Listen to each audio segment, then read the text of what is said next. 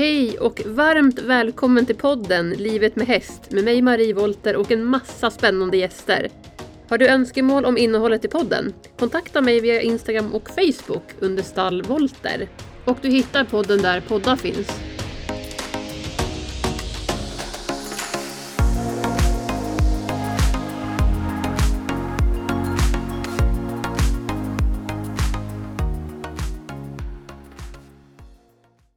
Hej igen Anneli! Hej igen Marie! Vad kul att vara här igen! Ja, eller hur! Nu blir det ett uppföljande avsnitt. Så det är så, det är så mycket att prata om. Så att, ja. Eh, att det här måste vi ju spinna vidare på. Och idag så är ju temat eh, mycket säkerhet. För det vet jag att är väldigt, ligger det väldigt varmt om hjärtat på olika sätt. Och säkerhet, säkerhetstänket är ju väldigt viktigt när man håller på med hästar. Ja men verkligen det är ju verkligen starka krafter. Det är tunga, snabba, stora djur vi har med att göra. Mm. Vad är säkerhet för dig då? Hur, hur skulle du beskriva din, din, upp, alltså vad ska man säga, din erfarenhet kring säkerhet? Och, vad berättar din bakgrund kring det? Ja, jag är ju som jag förmodligen pratade om förra gången så, så min mentor är Craig Stevens, USA och han han har influerat mig även på det här området väldigt starkt. Han är otroligt säkerhetsmedveten och han har ett fantast, en fantastisk förståelse för hästen som art och individ. Och det tror jag är väldigt viktigt för oss att pränta in i våra medvetanden var och en. Därför att de reagerar ju som en häst reagerar, inte som vi tror att en häst ska reagera. Mm. Och Craig han, han imponerade på mig redan i början när jag red för honom. Att, till exempel att man red på en lektion och det blåste och det stod och slog i ridhusportarna och han själv bara sa Sitt i sadeln jag går och korrigerar det här och gick och fixade det liksom istället för att bara tycka att men det där går nog bra. Så såg han till att det kom ur världen. Och, och alltså han är också väldigt så här medveten om vad som kan hända, vad som skulle kunna hända. Den där skottkärran som står där i gången, ta bort den. Om en häst kommer lös så kan det bli en fruktansvärd olycka. Led inte två hästar samtidigt, vilket jag måste erkänna att jag gör för att jag har andra problem som händer om jag inte gör det. Men jag har också råkat ut för en rejäl smäll när jag gjorde det vid ett tillfälle och det gäller att tänka många steg framåt därför att som Craig brukar säga, det där fungerar men det fungerar bara till den dag det inte fungerar längre. Mm, så klokt sagt. Så är det ju. Det är, mm.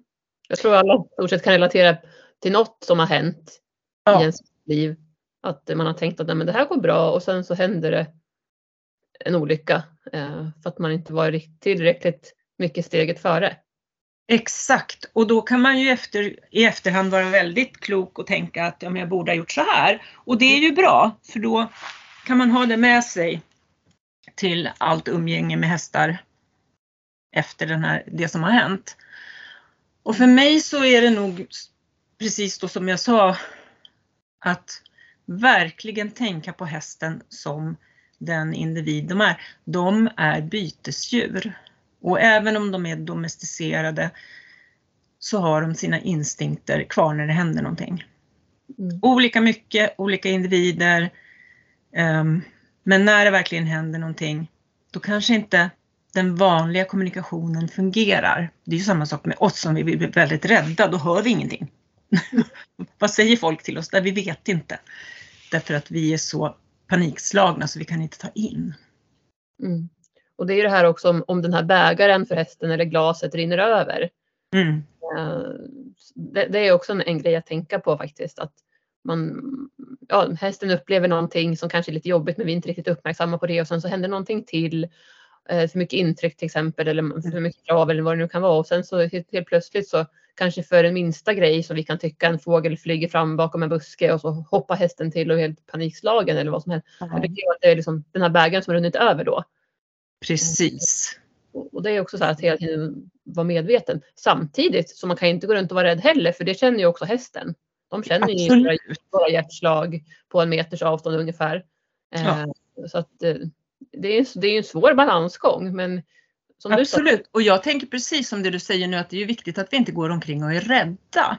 Det är mm. inte det egentligen, det är inte alls det som jag heller vill förmedla utan att vi bara är medvetna och hanterar hästen och oss själva i förhållande till hästen genom ett medvetet tänkande, inte bara som vi tycker att vi borde kunna.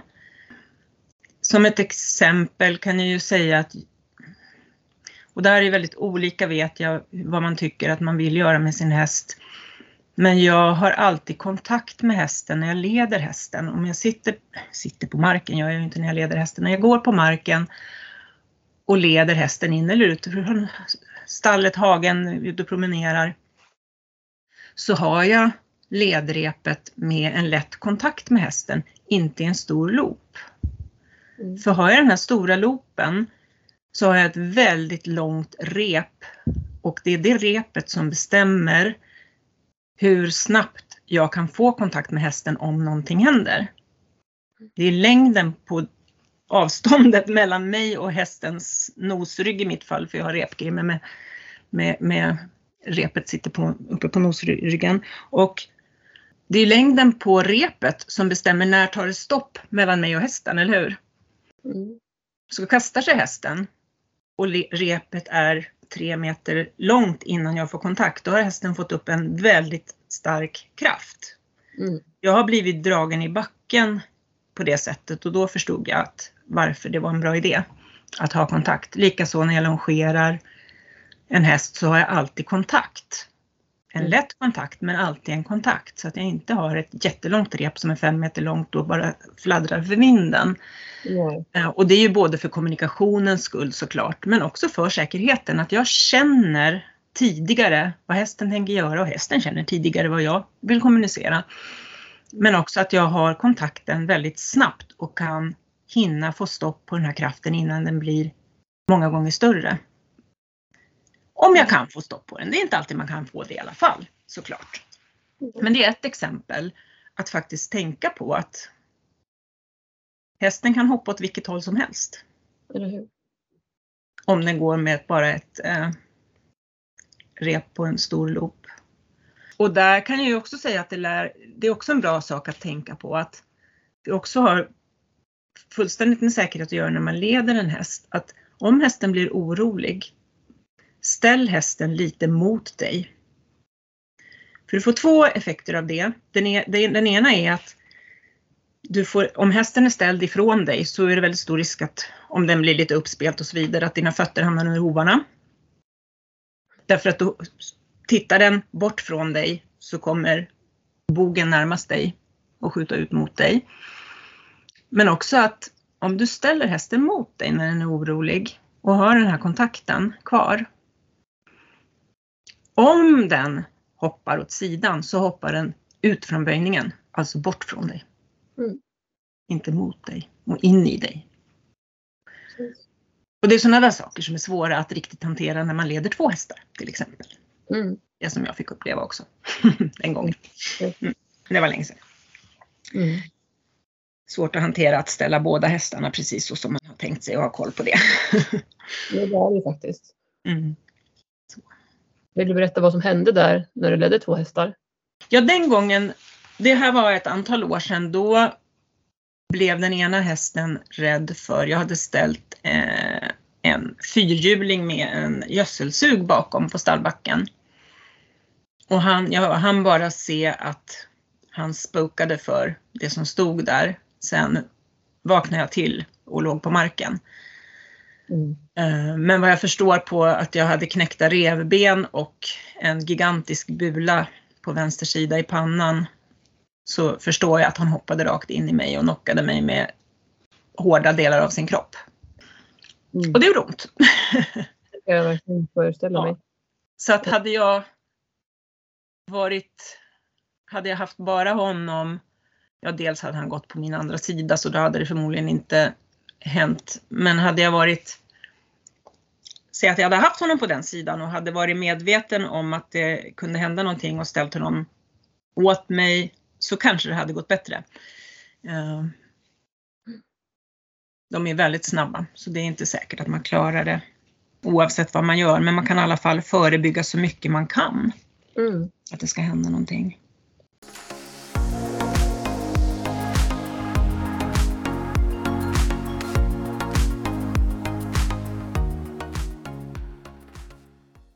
Men förra sommaren så fick jag ju en eh, smäll som var ännu värre, mycket värre.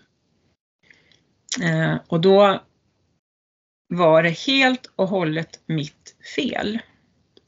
Alltså jag förstår precis vad som utlöste reaktionen hos min häst.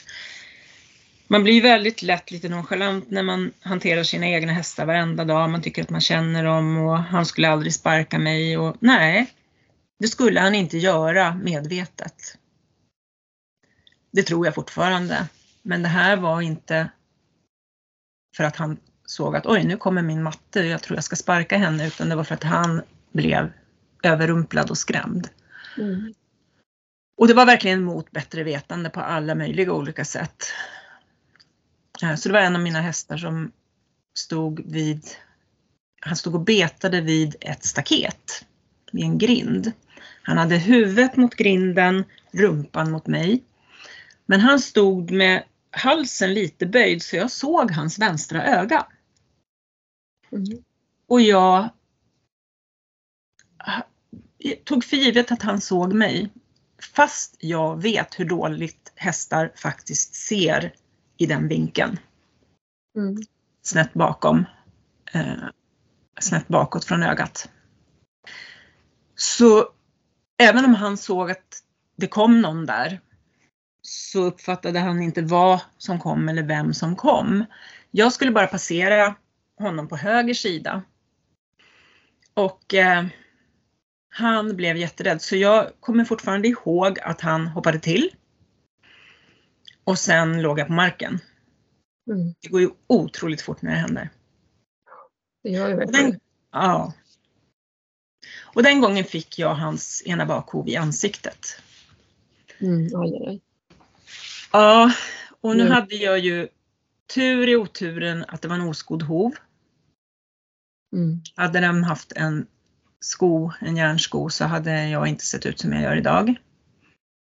Det är jag helt säker på, för det hade sparken gått kanske 6 mm längre in i ansiktet eller plus att det kan vara vassa kanter och så vidare på en sko och söm och ja, som Mm. Sticker fram lite grann. Så att jag är väldigt tacksam för att det var en oskodd hov. Eh, Och jag hade också turen att inte skada varken mitt öga som var som en stor, alltså bara som en stor blå bula. Eh, Mm. Och huden gick inte sönder speciellt mycket. Jag har bara ett litet jack efter där så det, och det blödde ju väldigt mycket men, men det var ingen stor skada. Och eh, nacken klarade sig, tänderna klarade sig, hjärnan klarade sig. Och som sagt ögonen, ögat klarade sig, och, eller ögonen. Men Däremot så gick skelettet väldigt sönder. Mm. Så att ansiktsskelettet krasade på ett antal ställen och käkbenet gick av. Så att det var eh, det här benet som man känner i kinden. Jag kommer aldrig ihåg vad det heter. Jag brukar glömma bort det Mm. hela tiden. Men det spelar egentligen ingen roll. Det var av liksom hela vägen runt. Så det var helt intryckt i ansiktet och så var käkbenet av. Aj. Så det krävde ju en lång operation, 5-6 timmar lång operation för att skruva ihop alla de här delarna. Mm.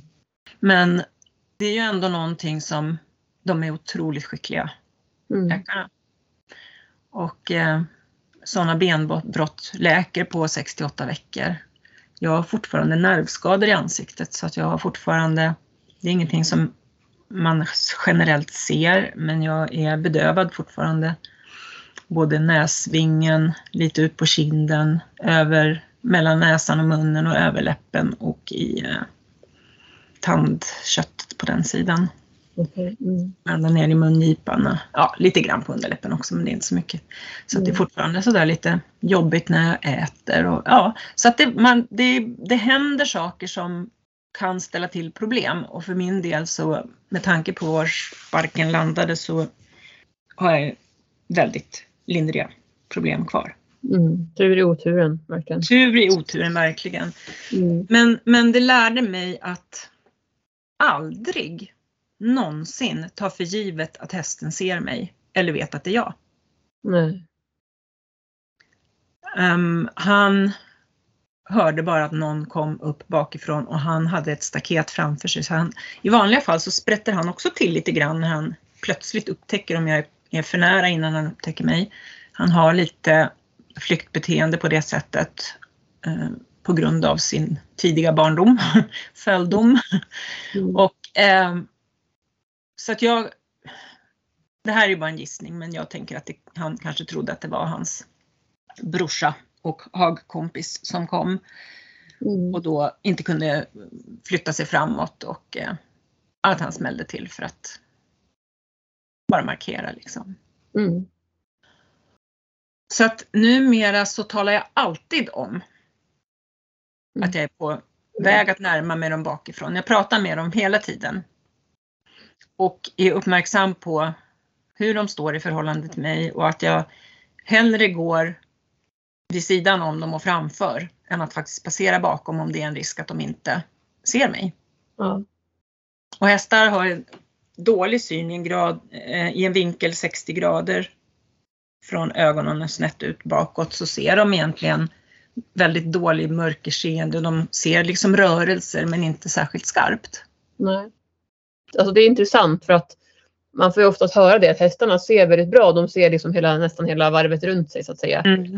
Eh, men man tänker kanske inte precis som du säger att hur pass lite de ändå ser i vissa vinklar då. Ändå ganska Exakt. stora delar. Ändå. Exakt. Sen tänker jag också att det beror lite säkert på vilken situation man är i. För det jag har lärt mig att hästar tänker på en sak åt gången. De har inte den förmågan att kunna tänka som vi gör. Mm. Eh, förutse och så vidare. Så det kan ju vara, han stod och betade där och var lite kanske i sin egen värld dessutom.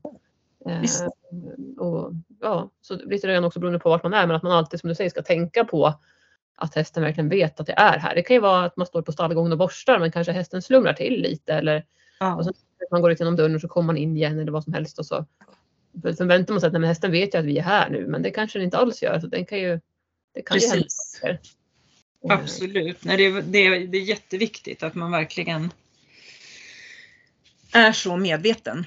Mm. Inte tar för givet. Och jag menar, vi tycker ju ofta, jag kan ju också skratta åt sådana här roliga bilder på, på hästar som blir rädda för en plastpåse och sådana saker eller en soptunna som plötsligt ligger ner eller, eller så. Det, ja, det kan man ju skratta åt. Men det är ju faktiskt så att det är inte att hästen är larvig. Nej. Utan hästen är ett flyktdjur. De är ett bytesdjur. Och i det ska vi också komma ihåg att vi är rovdjur. Precis, där säger du något jätteintressant och jätteviktigt att tänka på. Mm. Man glömmer en del.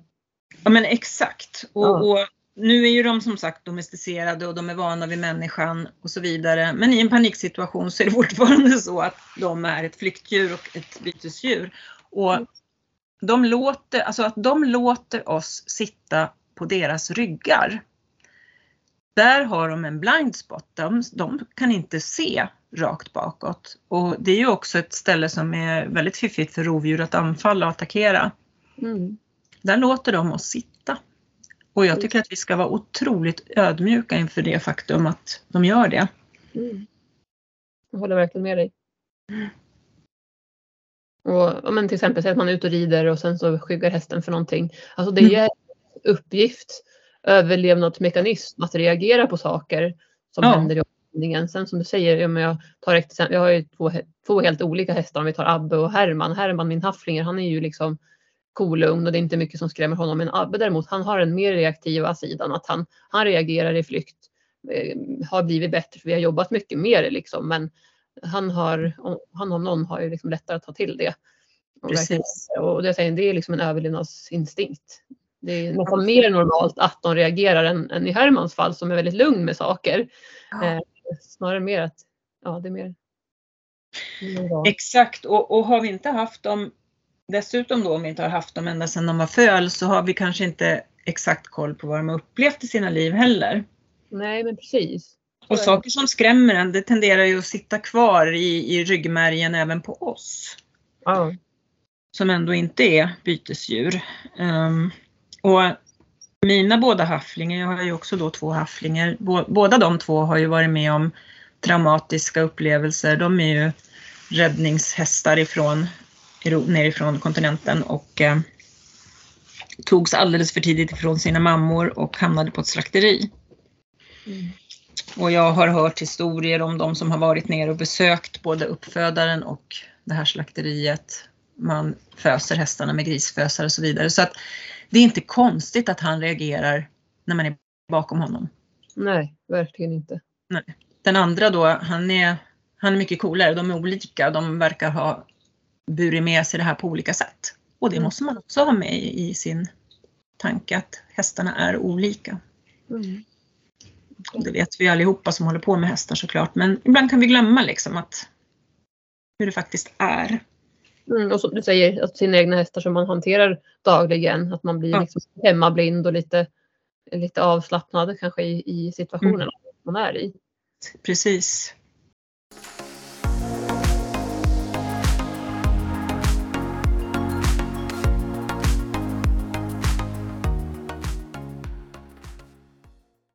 En mm. annan sak som man också får ta hänsyn till, till om man har hästar väldigt länge som jag tenderar att ha. Min äldsta häst är 27 år. Och jag märker att hans hörsel börjar bli sämre. Mm.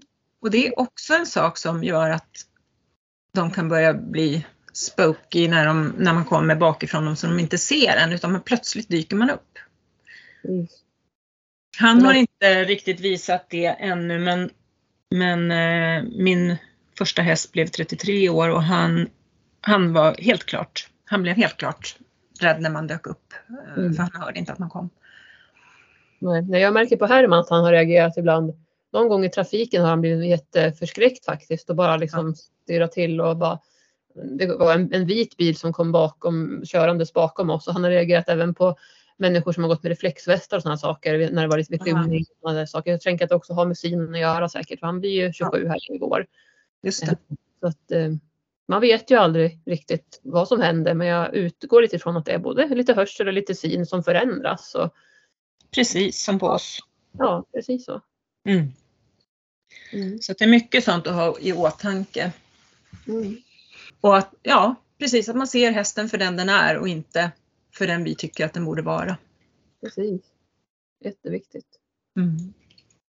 Och där tycker jag också att det är helt och hållet min övertygelse att eh, ju enklare man gör kommunikationen mellan människa och häst, desto lättare är det också att hantera en situation när någonting händer. För som sagt, de vanliga reaktionerna uteblir, den vanliga kommunikationen fungerar inte lika självklart som den gör när, när man är lugn och harmonisk. Um, och jag förklarade ju lite grann, beskrev lite grann i förra avsnittet om just det att använda en hjälp i taget och så vidare. Att kunna, jag kommer inte riktigt ihåg hur, hur djupt vi gick in i det, men att verkligen kunna be hästen fokusera sin vikt på ett specifikt av de fyra benen och så vidare med en hjälp. Istället för att man ska ha det tygeltaget si och det så och en skänkel hit och en skänkel dit. Så kan man använda en enda hjälp. Och om man har tränat in det i både sig själv och hästen då blir det en helt annan situation när någonting händer. Därför att då har man själv bara en hjälp man behöver ta till. Mm. Lättare att ha den i ryggmärgen än att man ska behöva lägga till fyra eller fem olika hjälper. Och för hästen så är det mera självklart. Mm. Ja, för i en situation kan det gå väldigt snabbt och då man som du säger, man lägga på massa olika hjälper så är det, det är man för sent ute. Man har väldigt, väldigt kort stund på sig. Liksom. Ja. Det reagerar ju här och nu. Så att det är precis som du säger, det verkar väldigt logiskt och smart. Ja. Ja. Så det, är en, det är en väldigt stor hjälp och, och har man en häst som är orolig då kan man gärna lugna den genom att eh, eller lugna den, det är inte säkert att man lugnar den, men man kan förbereda en möjlig situation genom att plocka upp den på en hjälp och, och Mm, man kan få hästens fokus. ja, bara kan ja fokus precis. på, på, på uppgiften eller på, på Mm. Dig som människa. Liksom. Mm. Mm. När man vet mera om hur hästen fungerar som häst så är det också lättare att göra rätt saker.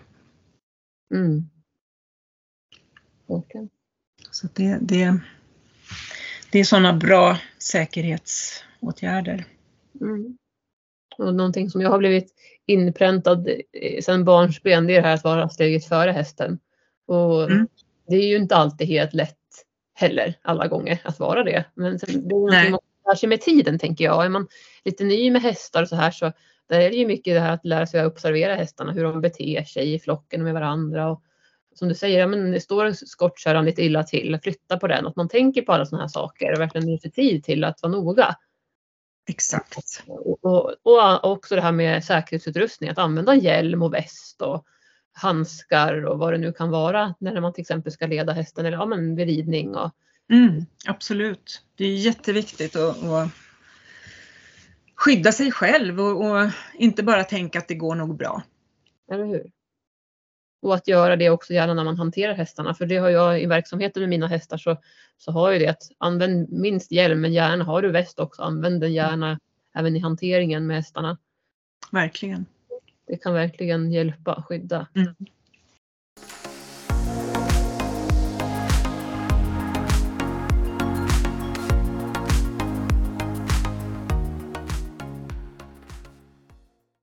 det här med när man tänker säkerhet, en, en balanserad häst är väl ganska klokt, eller hur? Det måste ju hjälpa både häst och ryttare i, i situationer. Absolut. Ja. Det är, jätte, det är jätteviktigt som du säger nu. Och, och det är ju också liksom att man har tränat på att kunna be hästen att balansera upp sig så som den behöver placera sin kropp för att kunna balansera sig och en ryttare på ryggen. Att man själv har tränat, det här pratade vi om förra gången, men också tränat upp sin egen balans gentemot marken. Och jag tänker så här om man är ute och rider eller sitter i ett ridhus för den delen också och man märker att hästen börjar bli stressad, det börjar bli en situation som faktiskt skulle kunna leda till att det händer någonting. Så behöver man inte tänka att "Ja, men det här ska vi klara på långa tyglar. Jag tycker inte att man ska tänka så utan jag tycker att man bör plocka upp hästen och uh, så att man har större möjlighet. För det är samma sak där. Sitter du på lång tygel så har du lika långt fram till bettet eller vad du nu rider på som tygen är lång. Mm. Så händer det någonting så tar det den tiden att plocka upp hästen och få kontakt och kunna dirigera hästen till eller ifrån vad man nu behöver göra just då i, det, i den situationen. Och, ehm, så jag tycker att det är en bra säkerhetsåtgärd att när man känner att det är fara och färde, se till att ha kontakt på tyglarna och som du säger, balansera upp hästen för du har mycket lättare att dirigera hästen och be den om någonting annat eller gör, ta en åtgärd när du har den i balans och när du har kontakt på tygen. Ja. Och slappna av själv framför allt. Vi, vi människor har ju en, en, alltså vi är ju lika lite som hästarna är gjorda för att ridas på så är vi gjorda för att rida på hästar. För att våra instinktiva reaktioner är ofta precis tvärtom mot vad vi egentligen skulle behöva göra. Mm. När vi blir rädda, då kryper vi ihop i fosterställning liksom. Mm. Och spänner oss. Böjer oss framåt och ja. Ja. Istället, vad vi behöver göra i en sån situation, det är ju att, precis som vi pratade om sist, att en av oss behöver välja att vara lugn, vi eller hästen. Och det är vi som har den bollen, liksom. det är vi som behöver välja att vara lugna och avspända i en sån här situation. Och det är precis rakt emot våra instinktiv, våran instinkt. Så att vi ska inte slå på oss själva för att vi kanske inte gör det som är det absolut bästa i den situationen. För det är ju våra, handlar om våra instinkter också, lika mycket som hästens. Men vad vi behöver träna oss till är att slappna av.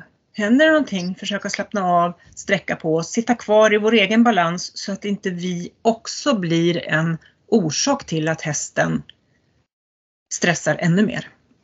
Mm, och också som jag har lärt mig faktiskt på senare år, det är ju att inte fokusera på problemet för det växer då. Liksom, Precis. På, Men så är det ju verkligen. Ja, att man fokuserar på övningen eller det man gör. Så kommer mm. någonting förbi ridbanan eller någonting så ska man inte titta på den och bekräfta eller klappa om hästen för då förstärker man ju det här att mm. ja, utan att istället som jag har fått lära mig bara fortsätta med det man gör och ja ge, ge en hjälp till exempel så att hästen ja, men fångar upp det och hittar tillbaka till fokuset. Exakt, och man kan jobba lite med flexion, ställa lite åt vänster, ställa lite åt höger, böja hästen så att den ha, får någonting annat att tänka på, flytta lite sidvärts. Det kan hända att det är det hästen gör självmant, men då kanske man får rida rakt fram istället. Eller ja. flytta sidvärts på ett annat sätt. Mm. Uh, och uh, det var någonting som for genom mitt huvud nu men jag har faktiskt glömt bort vad det var. Det kanske kommer tillbaka. Mm. Men, men det där är ju jätte, jätteviktigt. Och just att hitta balans och att hitta sin egen balans för att när vi är i obalans, och det här är ju viktigt hela tiden när vi rider. När vi är i obalans så sätter vi, utsätter vi hästen ifrån deras synvinkel så utsätter vi dem för fara. Mm. För att vara i balans, det är livsviktigt för hästen. Annars kan de inte fly undan ett rovdjur. Eller det blir i alla fall svårare. Och där kommer jag också äh, in på, det var det som for genom huvudet, att det är också en säkerhetsaspekt och en, också ett förtroendebyggande. Att faktiskt säga ja till hästen. De har också en åsikt att få uttrycka vad de vill eller tycker är bäst i en viss situation. Inte säga ja i en farlig situation att nu flyr vi eller nu hoppar vi ner i det här diket som är jättedjupt eller någonting. Men mm. att vi som generellt säger ja till hästen och sen omförhandlar. Så att när hästen kanske inte svarar på det vi hade tänkt, om vi kommer fram emot ridhusväggen och vi har tänkt att vi ska svänga höger och hästen är på väg åt vänster. Men det är inte hela världen om vi svänger åt vänster och sen omförhandlar vi och går åt höger nästa gång. Eller nästa gång. För att, att säga ja till hästen generellt sett och omförhandla, det gör att kommunikationen blir mera mjuk mellan oss och hästen. Hästen tycker inte att vi är eh, ja, vi förtjänar bättre att hästen respekterar oss. Det mm. är det jag vill uttrycka. Mm. Eh, och då har vi hjälp av det när det verkligen händer någonting. Mm. Det finns situationer när vi måste säga nej. Det här kan vi inte göra, vi ska inte ner för stupet eller whatever. Ja. Och där har vi liksom förtjänat vår rätt att bli lyssnade på. Mm. Ja men verkligen, det behöver inte vara tvärtom. För, alltså, för annars blir det att hästen uppfattar oss tvärtom. Om, som du säger, om vi har tänkt att vi ska gå till höger men hästen svänger vänster. Om vi bara, nej men nu måste vi gå till höger. Alltså hur ja. kul är det för hästen att följa oss då egentligen? När vi liksom tvingar hästarna, nu ska vi gå hit. Istället tänka, nej men nu var det här mest logiskt. För oftast är det också så att hästen är ju lite kvittot på. Det kan ju vara alltifrån en vikthjälper och att man hamnar lite snett i sadeln som gör att hästen tolkar ja. att vi skulle gå till höger.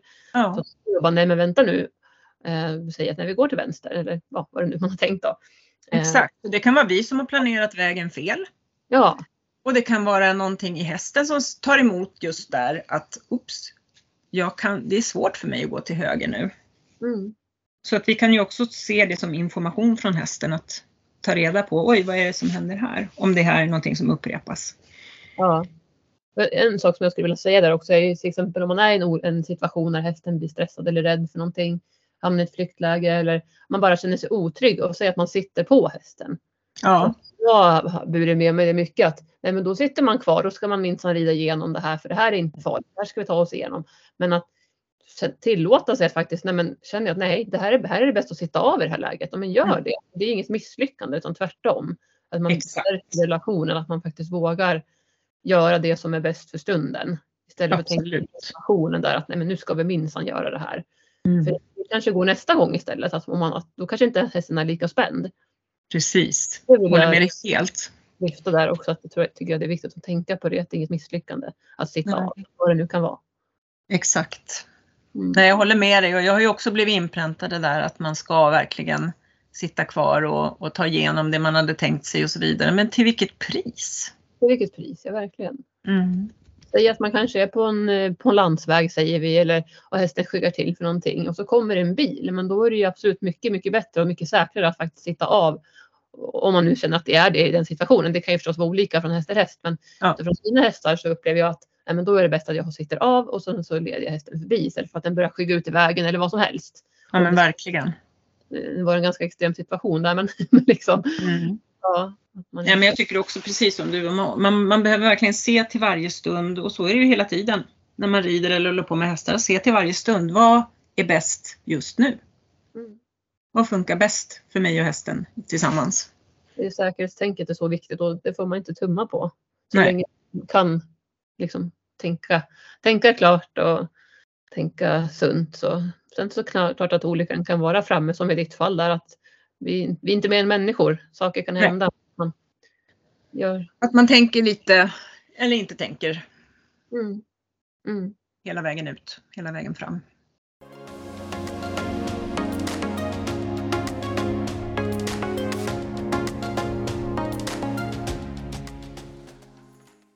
Tillbaka till det med balansen då. Mm. Hur, vad är det mer som kan vara viktigt när man tänker balansen? Ja, men en sak som jag verkligen har eh, tagit till mig de senaste åren, som jag inte har tänkt på så mycket förut, det är ju att hästens hovar är i balans. Ja.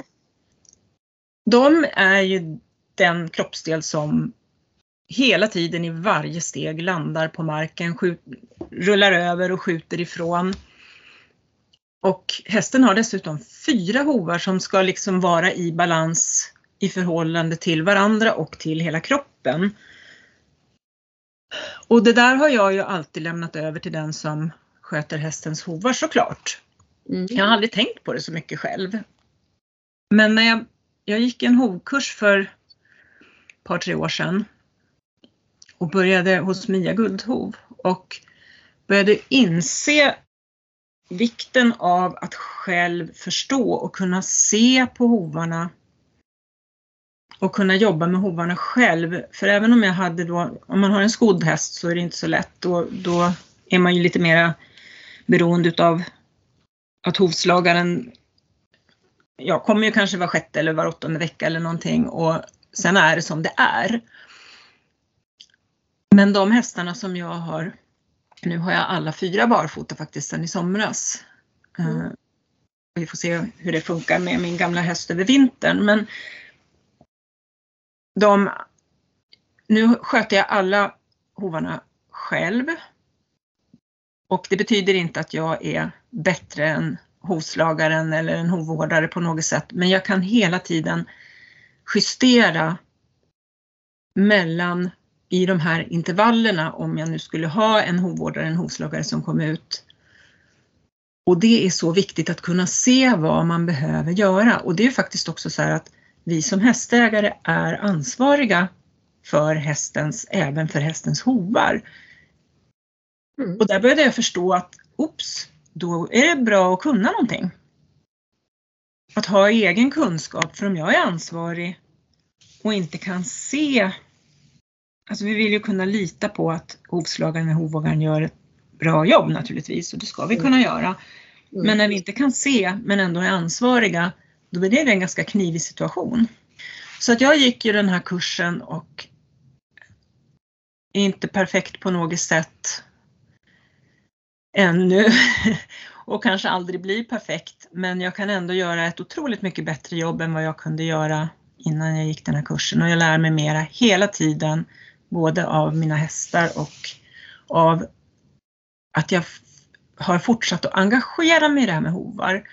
Och ska jag bara nämna också då att, att eh, Mia Guldhov är ju den som har varit min mentor i det här med, med hovvård då, då och för ungefär ett år sedan, ganska precis ett år sedan faktiskt. Så, eller för två år sedan snart, så började Mia och jag och Lena Kjellman. Lena bor i Sollefteå, Mia bodde då nere på västkusten och jag i Knivsta, så i helt olika delar av landet började vi samarbeta och planerade att sätta ihop ett koncept i en stiftelse. Och för ett år sedan så blev den här stiftelsen godkänd av eh, Länsstyrelsen i Stockholm. Och eh, så att vi har, driver nu stiftelsen Guldhov Foundation. Och den, där är hästens balans, välmående, hälsa i fokus. Så att, Vad roligt, vad kul! Ja. Jättespännande! Det är verkligen jätteroligt och Mia är ju proffset på hovar där och vi har ju liksom utgångspunkt från hovar men hovarna är superviktiga. Men de sitter ju fast i en hel häst. Mm. Och resten av hästen måste tas hänsyn till även när man tittar på och fokuserar på hovarna. För att om man inte tränar hästen i balans, då kan man hålla på och balansera hovarna hur mycket som helst och de kommer att gå tillbaka till samma mm. obalanserade läge igen. Och likaså åt andra hållet, om hovarna är i obalans så är det väldigt svårt att förvänta sig att hästen ska vara i balans i resten av sin kropp. Ja, det är väldigt logiskt det du säger. Mm. Men det är lätt att inte tänka på det. Faktiskt. Det är väldigt lätt att inte tänka på det. När man väl har börjat tänka på det, då finns det där. Men det, det var aldrig självklart för mig. Nej. Nej, jag kan verkligen hålla med om det. Mm. Så att i den här stiftelsen då så, det första stora eventet vi gjorde, det första eventet vi gjorde i stiftelsen, genom stiftelsen, det var en hovkonferens som vi höll på Venngarn här i augusti nu i år. Mm. Och eh, den ska vi följa upp eh, framåt också såklart. Mm. Så att där har vi, vi har jättestora ambitioner och vi har stora ambitioner att vara en, eh, en organisation som jobbar verkligen för hästens hälsa och välmående och även att kunna stötta alla, eller alla ska jag inte säga, det kommer vi inte att kunna, men att kunna stötta människor som på ett eller annat sätt också jobbar inom ramen för våra stadgar. Mm. På olika sätt. Eh, kanske ge stipendier och så vidare så småningom när vi börjar få en lite bättre ekonomi för att vi börjar ju med noll om man säger så. Mm. Och den första hovkonferensen var fantastiskt rolig. Vi var, alltså det, och det var väldigt uppskattat också och vi vet att vi hade en hel del barnsjukdomar om man säger så som vi försökte lösa på plats när vi insåg att whoops, det här hade vi inte riktigt tänkt färdigt och eh, så är det nog alltid. Men mm. vi fick ändå väldigt mycket positiv feedback på den här konferensen. Vi hade föreläsningar, ett antal väldigt erfarna och skickliga föreläsare som ur olika aspekter i hästens välmående och kopplat också till hoven som föreläste och eh, vi hade också ett mästerskap i hovverkning. Ja, och så hade ju du faktiskt segraren i mästerskapet som gäst i din podd för några veckor sedan. Precis, Johanna Holmberg, Whispering Horse. Hon är den som fixar mina hästars hovar numera. Så det är väldigt spännande. Så apropå det här som du säger, att få förståelse för hoven och hur viktigt det är med både balansen och åt alla håll och kanter. Verkligen. Mm. Och det är så intressant att lära mm. sig och förstå. Förstå hur ihop och att hoven har så stor betydelse. Mm. Visst förstått det någonstans men ändå inte på den här nivån som Precis. man börjar förstå. Liksom. Att förstå hovens struktur och hur otroligt väl den är utformad för att hästen ska få support i varje steg. Tänk hur otroligt mycket kraft det är i varje steg när hoven når marken. Ja. Och är den då i obalans så blir den bara mer och mer och mer i obalans för att den inte kan utnyttja den här fantastiska potentialen som den har.